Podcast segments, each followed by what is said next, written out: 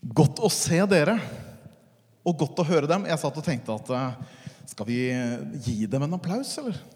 Skal vi gjøre det? Ja, det er hyggelig. Vi gjør det. Veldig fint, altså. For meg som kommer fra en sammenheng som ikke er fullt så bortskjemt på musikk, må jeg si fantastisk å høre. Og fantastisk å være her på en sånn søndag som dette, hvor våren har kommet til Oslo. For deg jeg ikke har hilst på før, så heter jeg Kristoffer. Jeg har klart å bli 41 år og har mer eller mindre vokst opp her i byen. Og er veldig glad i Oslo, spesielt når det er dager som dette. I dag så skal jeg få lov til å dele Guds ord med dere, men før jeg gjør det, så vil jeg be en enkel bønn. Himmelske Far, jeg ber om at du skal la mitt hjertes tanker og min munns tale få behage deg. Gi meg nåde til å være tro mot ditt ord, så det får betjene ditt folk. Bygge opp din kirke, åpenbare Kristus og gi ditt navn ære. Amen. Jeg har vært på sosiale medier i helgen. Og enda en uke så har jeg lagt merke til at eh, det kan, kan hende at det sier litt mer om hvem jeg er venn med på sosiale medier, men jeg registrerer at også denne helgen så har relasjonene vært helt unike. Feriene har vært fete, frokostene har vært episke, og bøkene som har blitt lest, har vært livsforvandlende. Og været har selvfølgelig vært helt magisk. Og det virker som uansett hvor jeg blar opp, så dukker opp ord som revolusjonerende, transformerende, imponerende, innflytelsesrike, ekstraordinære, banebrytende, nyskapende, alternative og legendariske. En hel haug av utrolig store ord som på et eller annet snodig vis har funnet veien inn i din og min dagligtale. Og noen påstår at du og jeg og den generasjonen som vi er, vi er på en eller annen konstant jakt eller søken. Litt sånn rastløst leter vi etter det neste nye, det neste store, den neste ideen, konseptet, produktet, personen, opplevelsen som kan løse problemene våre. Gi livene våre litt mer mening, gi forandring og forbedring til vår verden. Og jeg vet ikke hvor mange ganger jeg har tatt opp en bok eller fått et eller annet tips eller sittet med en kompis som har sagt at du må bare lese dette, få tak i dette eller se dette, så kommer du til å oppleve at det forandrer livet ditt. Kanskje, tenker jeg, at ord som vanlig og ordinær eller hverdagslig det tenker jeg må være noen av de mest ensomme ordene i hele språket vårt for tiden. For hvem har lyst til å være vanlig, egentlig? Det er jo ingen som kjører rundt i en bil og setter klistremerker på baksiden hvor det står at her kjører en helt vanlig fyr. I en helt vanlig bil, som har en helt vanlig jobb, som bor i en vanlig by, og som tilfeldigvis har rusla inn i en helt vanlig kirke hvor det var masse helt vanlige folk. Og der har man en eller annen drøm om å kanskje en eller annen drag treffe en skikkelig vanlig annen person som man kan ha et skikkelig vanlig bryllup med. Og etter det vanlige bryllupet så finner vi et, et skikkelig vanlig reisemål. Og så drar vi dit, og så har vi helt vanlig sex, og så avler vi til slutt noen skikkelig vanlige barn. Altså, det er jo ingen som holder på sånn, for vi vil jo ikke være vanlige. Vi vil jo ha noe mer. Vi bor jo i Oslo. Dere går jo i Kraftverket, Oslos hippeste kirke. Jeg vet ikke om du har fått med deg det?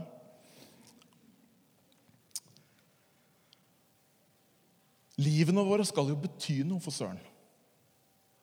Derfor er vi opptatt av at ting skal kunne måles. Det skal kunne utvikles, forbedres, kontrolleres og være i bevegelse. Det verste vi kan tenke oss, det er å stå stille. Ikke komme noen vei eller stagnere. Og kanskje er det sånn at noe av denne rastløsheten som preger oss i stor grad, kanskje av og til finner veien også til ditt og mitt åndelige trosliv. Nå for tiden så er Kirken i hele landet og i hele verden i fastetid. Og jeg har lagt merke til, i hvert fall i vår kirke, så er det sånn at når vi begynner å snakke om faste, da blir folk litt sånn at de bretter opp armene litt og tenker at nå skal det skje. Man setter seg mål, og så tenker man i fjor var jeg her. Da kjempa jeg med disse utfordringene. I år så skal jeg toppe det. Jeg vet ikke hvordan det er med deg. Men jeg møter så mange som tenker at alt livet mitt trenger, det er bare litt forbedring. Litt mer utvikling, sånn at jeg kan komme litt videre. Så kanskje fasten kan hjelpe meg, tenker jeg da. Jeg ser på livet mitt og så tenker jeg et par nye vaner. En 40 dagers slankekur. Og der, litt utpå våren en eller annen gang, så dukker det opp en litt freshere, litt nyere, litt hyggeligere, litt slankere, nesten syndfri versjon av Kristoffer. Og så ser jeg for meg at hvis folk da kommer til meg etter hvert, og så spør de hva er det som har skjedd med deg, Kristoffer? Du har liksom en helt ny glow. Så kan jeg litt stolt si jeg har vært på en litt sånn 40 dagers fastegreie. Ja, skikkelig ålreit greie. Funka som søren. Du må bare være litt disiplinert. Du må bare vite hvor du vil. Du burde teste det en gang. Tror du kunne trengt det faktisk, når jeg ser på deg. Jeg vet ikke hvordan det er med deg. Men hva tenker du at, hva har dette med disse tekstene våre å gjøre? Noen ganger når vi leser i Bibelen, har jeg lagt merke til at vi går glipp av noen sammenhenger. Og tekst, de to tekstene som ble lest her i dag, er i en sånn litt spennende overgang i Lukas-evangeliet. Hvor Jesus har forkynt evangeliet, og så kommer vi til Lukas 18. Så får han et møte med en ung, rik, fremadstormende ung fyr. Og så vender han rett etter den fortellingen så vender Jesus blikket mot Jerusalem. Og så begynner han på veien opp til Jerusalem. Og det første han gjør, er å gå gjennom en by som heter Jeriko, hvor han møter Sakkeus. Altså egentlig tre fortellinger med tre veldig forskjellige avslutninger. Det første møtet er møtet med den rike, unge, fremadstormende, kanskje litt superreligiøse, ressurssterke unge mannen. Se for deg en ordentlig religiøs avlshingst. Det er egentlig det han er. Altså, Han er fra Jæren. Skjønner du hva jeg mener? Er det noen fra Jæren her? Jeg har en følelse av at de fleste av de kommer derfra. Han kommer nå til Jesus, og han er ordentlig klar for å ta det neste steget. Jeg vet ikke om du ser for deg typen. Han spiser økologisk, han sykler alltid med hjelm. Han, han sitter og tisser for å ikke søle på kanten. En sånn ordentlig ryddig fyr. Og nå har han hørt rykter om at det fins en fyr som heter Jesus, som virkelig er på et nytt nivå. Og han føler kanskje at liksom, det har liksom stoppa litt opp, kanskje stagnert litt. Og nå tenker han at han der, han kan hjelpe meg videre. Så han kommer rett og slett til Jesus med følgende spørsmål. Du, hva kan jeg gjøre for å vinne evig liv? Smak litt på det. Hva, fortell meg! Hva kan jeg gjøre? Hva kan jeg gjøre for å vinne evig liv? Og Jeg ser for meg disippelflokken. ikke sant? Det er en sånn litt sånn rufsete gjeng fra Nord-Norge og Bergen. Og sånn, og så kommer denne flotte fyren fra Jæren kommende. og Man tenker at han er jo enhver pastors våte drøm. ikke sant? Her har vi en ordentlig fyr med ordentlig karakter. Eh, og disiplene tenker at han blir liksom formann i disippelgjengen. Men så er det som Jesus liksom Han legger bare lista ordentlig høyt. Og hele historien ender med at denne rike, sterke, ressurssterke fyren som er klar for å innta neste nivå, går skuffa og slukøra bort. Og disiplene står og lurer på hva i huleste er det som skjer? De spør rett og slett Jesus hvis ikke han kan bli frelst. Han som har alt på stell og potensialet til å liksom nå så høyt. Hvem kan da bli frelst? Og Jesus svarer, 'Det som er umulig for mennesker, det er mulig for Gud'. Slutt på fortelling 1.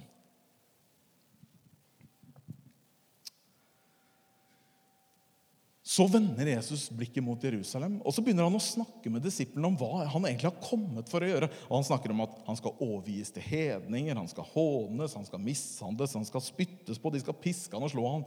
Og nå skjønner disiplene ingenting, og den neste teksten som ikke ble lest, den slutter bare med at disiplene står og lurer på Hva er det du driver med, egentlig? Det står de skjønte ikke noe av dette. De forsto ingenting av hva han sa, står det i Lukas 18. Og kanskje for at de skulle forstå hva han mente, så tar Jesus disiplene med seg, og så går de gjennom en by som heter Jeriko. Og der møter de en fyr som heter Sakkeus. Og jeg tipper kanskje du har hørt om han, uansett om du har vært mye eller lite i kirken før. Og nå vet jeg ikke om dere driver med dette, men se for deg at du og jeg nå er personer som driver med sånn gradering av ulike synder. Vet, det er ingen av dere som gjør det. ikke sant? Men la oss prøve å tenke deg et lite øyeblikk at vi driver med sånt. Da ville altså den rike, unge, ressurssterke mannen Han er liksom lengst ute på sida her, mens Sakkeus er på andre sida. Jeg skal forklare hva jeg mener. Vi, vi, vi dropper håndsopprekningen. Eh, så du kan holde hånda di nede. Men se for deg at vi liksom starter litt sånn på, på bunnplanken. De små, hverdagslige, litt sånn halvhvite løgnene. De som de aller fleste av oss kjenner at ja, vi drar noen sånne, de fleste av oss. ikke sant? Ja, men vi, vi, er jo alle litt sånn. Av og til er det jo nesten hyggeligere å dra en hvit løgn enn å fortelle sannheten. ikke sant? Yes. Og så kunne vi tatt neste nivå. Eh, skattesnylterne. Og Da er det kanskje noen som tar hånda ned, andre som kjenner at de trenger å holde den oppe. Og så har du de som ikke klarer helt å stoppe med å bare dele ord eller diskutere, men som blir så sinte at de drar fram neven, og det blir slagsmål og sånt. Så har du kanskje ekteskapsbrytere eller mishandlerne. Og så har du mordere og ordentlig kriminelle. Og så har du ingenting, og så har du ingenting, og så har du tollere her ute. Henger du med?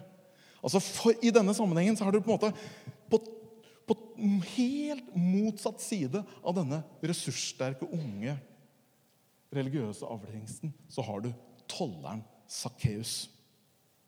Det er nettopp derfor det er så sinnssykt opprørende at Jesus kommer inn i byen, og folk flagger og jubler. Og så går han foran hele landsbyen. Hjem til han fyren der. Altså, jeg tenker sånn at Jesus liksom stikker hjem til noen som sliter litt eller ikke har livet helt på stell, det kan vi jo forstå. Men det får da være grenser for hvor man skal sette føttene sine. Men kanskje er det sånn, tenker jeg, at Lukas prøver å hjelpe oss å se noe. Gi oss en liten bruksanvisning på hva Jesus egentlig kom for å gjøre. Og kanskje også hva faste dypest sett handler om. Fordi den rike, unge mannen han går skuffet og bedrøvet bort. Men han som var bortkommen og langt borte, han blir byens gladeste mann. Den teksten slutter med at Jesus sier at menneskesønnen har kommet for å lete etter de som er bortkomne, og berge dem. La oss bruke et lite sekund på å se på disse to ulike gutta. Hvor er det egentlig det går galt for den rike, unge mannen? Jo, jeg tror at det er et eller annet med spørsmålet hans til Jesus, dette med 'Hva skal jeg gjøre for å vinne?' som bare får, får det til at han kommer ordentlig dårlig ut. For det spørsmålet det suser aldri igjennom Sakkeus sine tanker. Han vet hva han fortjener. Det har han blitt fortalt hele livet. Alt han lurer på, er finnes det noe håp for noen som er så ute og kjører. Den rike unge mannen derimot, han er fullt klar over sin egen fortreffelighet. Han kommer frimodig og lurer på ok, Jesus, bare fortell meg hva jeg skal gjøre. Jeg føler jeg har det i meg. Bare liksom, bare liksom Legg lista. Jeg hopper over. Men det virker som om med en gang dette spørsmålet dukker opp, så er det akkurat som det skjærer seg i relasjonen med Jesus. Det er et eller annet med når vi kommer liksom fulle av vår egen selvtillit og bare tenker at nå Vis meg hva jeg skal gjøre. Jeg fikser det. Så skjærer det seg i vårt forhold til Jesus. Det virker som om det handler mer om hva han har gjort for oss, enn hva han vil at vi skal gjøre for han. Sakkeus, får jeg være med deg hjem? Jeg tenker at det må ha gått tusen tanker gjennom hodet til Sakkeus når Jesus kommer med denne invitasjonen. Teksten sier ikke noe om det, men jeg ser for meg at han begynner med en gang å tenke på hvordan det ser ut hjemme hos han. Det er som om Se for deg at Obama når han kom til Oslo, så er det ikke sånn at du tenker oi, Obama kommer til Oslo, jeg får rydde tilfellet han skal til meg. For du, du, tenker ikke at han skal dit. ikke sant? Og Sakkeus er den som sist har tenkt at nå kommer Jesus fra Nazaret. Han kommer sikkert hjem til meg i dag, så jeg får rydde litt. Så han begynner med en gang å tenke på hvordan er det det ser ut der hjemme. Og så tenker han på den fyllefesten som mest sannsynlig var dagen før, og han litt halvfulle kompisen som fortsatt ligger litt sånn henslengt bort på sofaen, på tomflaskene på bordet og de kanskje litt sånn uanstendige bladene inne på badet som han feiter, liksom. Hele huset til Sakkeus er fullt av spor av det livet han lever.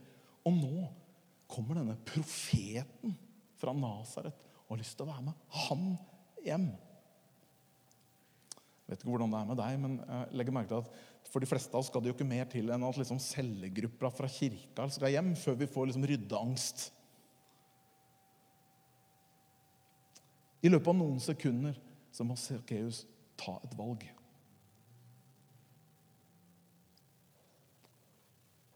Her er det ingenting å skjule. Han vet helt åpenbart hvem jeg er. Og hvis han absolutt vil sette føttene sine inn i dette her, så får han gjøre det på eget ansvar. Sakkeus sier, 'Yes, velkommen hjem'. Den dagen så går Jesus over dørterskelen hjemme hos Sakkeus. Og så tenker jeg Oi, så mye det hadde vært deilig å få snakka ordentlig med Sakkeus om. Du, Sakkeus, du er altfor selvopptatt. Det der med deg og penger, det der, det der syns jeg du skulle jobba litt med, Sakkeus. Altså, Du kunne gitt hele hjelpeorganisasjonen i Jerikos årsbudsjett uten å merke det i privatøkonomien din. Eller Sakkeus, ta, ta så se deg litt rundt her. Den derre gjengen som du henger med, Sakkeus. For en gjeng! Har du hørt ordtaket 'du blir som de du henger med'? Se deg litt rundt. Kanskje på tide å få rydda opp litt her. Eller Sakkeus, får du ikke litt dårlig samvittighet når du står her ved byporten og tyner penger ut av folk som er mye fattigere enn deg selv, eller samarbeider med folk som er helt uten moralsk kompass? Å, så mye det hadde vært bra å få snakka med Sakkeus om. Det finnes ingen av disse spørsmålene kommer fra Jesus til Sakkeus. Han spør egentlig bare om én eneste ting. Får jeg være med deg hjem? Får jeg bli med deg hjem til det livet du faktisk lever?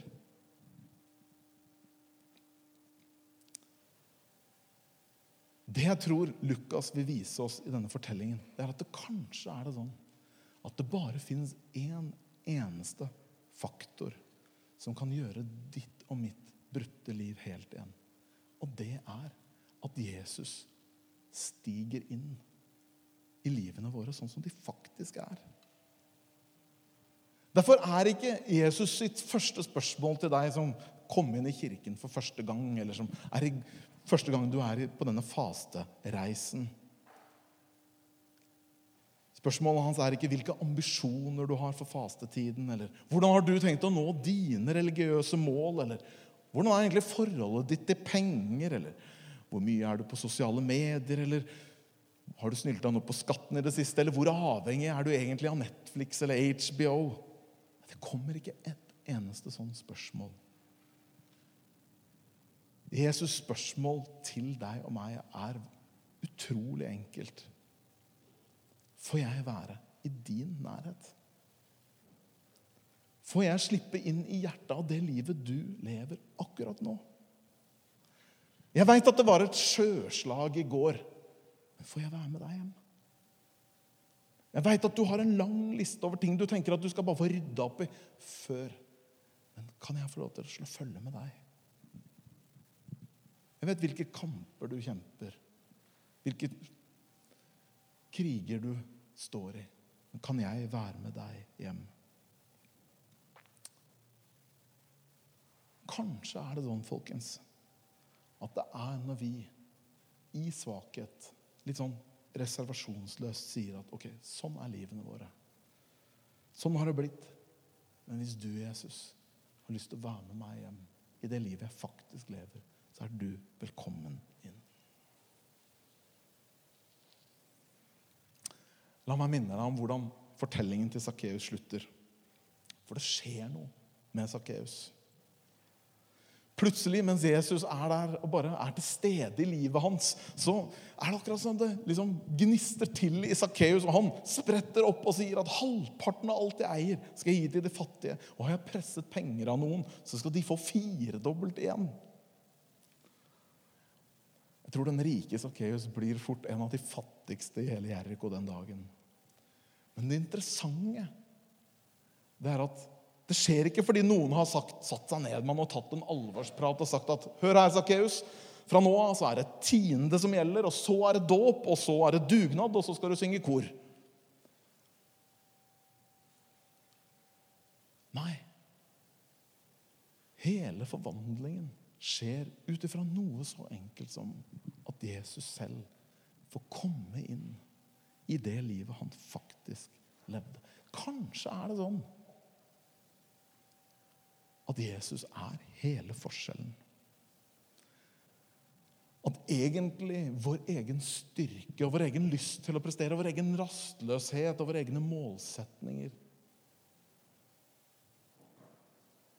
Som gjør at vi kun ser Jesus som coachen som kan hjelpe oss til det neste nivået. Og De gangene jeg kommer til Jesus på den måten, så legger jeg merke til at jeg blir så sliten fordi lista er så mye høyere. Mens de gangene jeg kommer og sier at livet mitt Jeg vet ikke om det er så mye å komme med, men hvis du har lyst til å bli med meg hjem, så er du hjertelig velkommen. Jeg vet ikke hvor du er i din fastereise. Men ønsket mitt og hjertet mitt for denne søndagen var at om Gud skulle ha sendt en litt sånn rar fyr på besøk i kraftverket denne dagen for å minne deg om én enkel ting. At evangeliet og Jesus kom.